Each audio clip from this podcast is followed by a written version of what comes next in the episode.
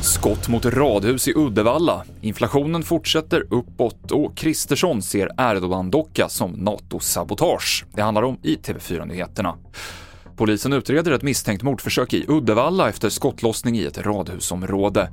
Inringare larmade under natten om att det hördes skott, men det var först på morgonen som en person upptäckte skotthål i sin ytterdörr. Ingen har blivit gripen. En man greps i natt på en krog på Södermalm i Stockholm misstänkt för våldtäkt, meddelar polisen. Och enligt uppgifter till TV4 Nyheterna så är den gripne mannen en ordningsvakt som var i tjänst när han misstänks ha våldtagit en kvinna inne på en toalett. Inflationen i Sverige fortsätter öka. I december var inflationstakten 12,3 procent enligt måttet KPI som räknar in hushållens räntekostnader. Nivån är den högsta på nästan 32 år och bedömare tror att räntan kommer höjas ytterligare.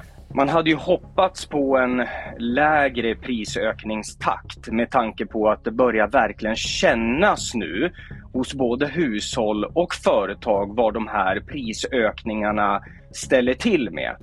Vi riskerar att få en mycket högre arbetslöshet, ökade kostnader för företagen. Vi står inför en utmaning när det kommer till att kväva det här monstret.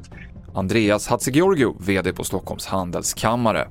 Och Turkiets parlament ställer in talmannen Andreas Norléns besök i Ankara nästa vecka efter att en docka föreställande president Erdogan hängdes upp utanför Stockholms stadshus igår. Statsminister Ulf Kristersson ser en risk för att aktionen ska påverka Sveriges NATO-ansökan. Jag ser mycket allvarligt på detta av flera skäl. Det ena är att det är ett otroligt grovt Alltså i ett land som två gånger har förlorat ledande politiker i mord så hänger man upp en slags låtsasavrättning av en utländsk demokratiskt vald ledare. Det är extremt allvarligt. Det andra är ju att det är ju ägnat, skulle jag säga, som ett sabotage mot den svenska NATO-ansökan. Det är farligt för svensk säkerhet att agera på det sättet. Så jag ser mycket allvarligt på det där.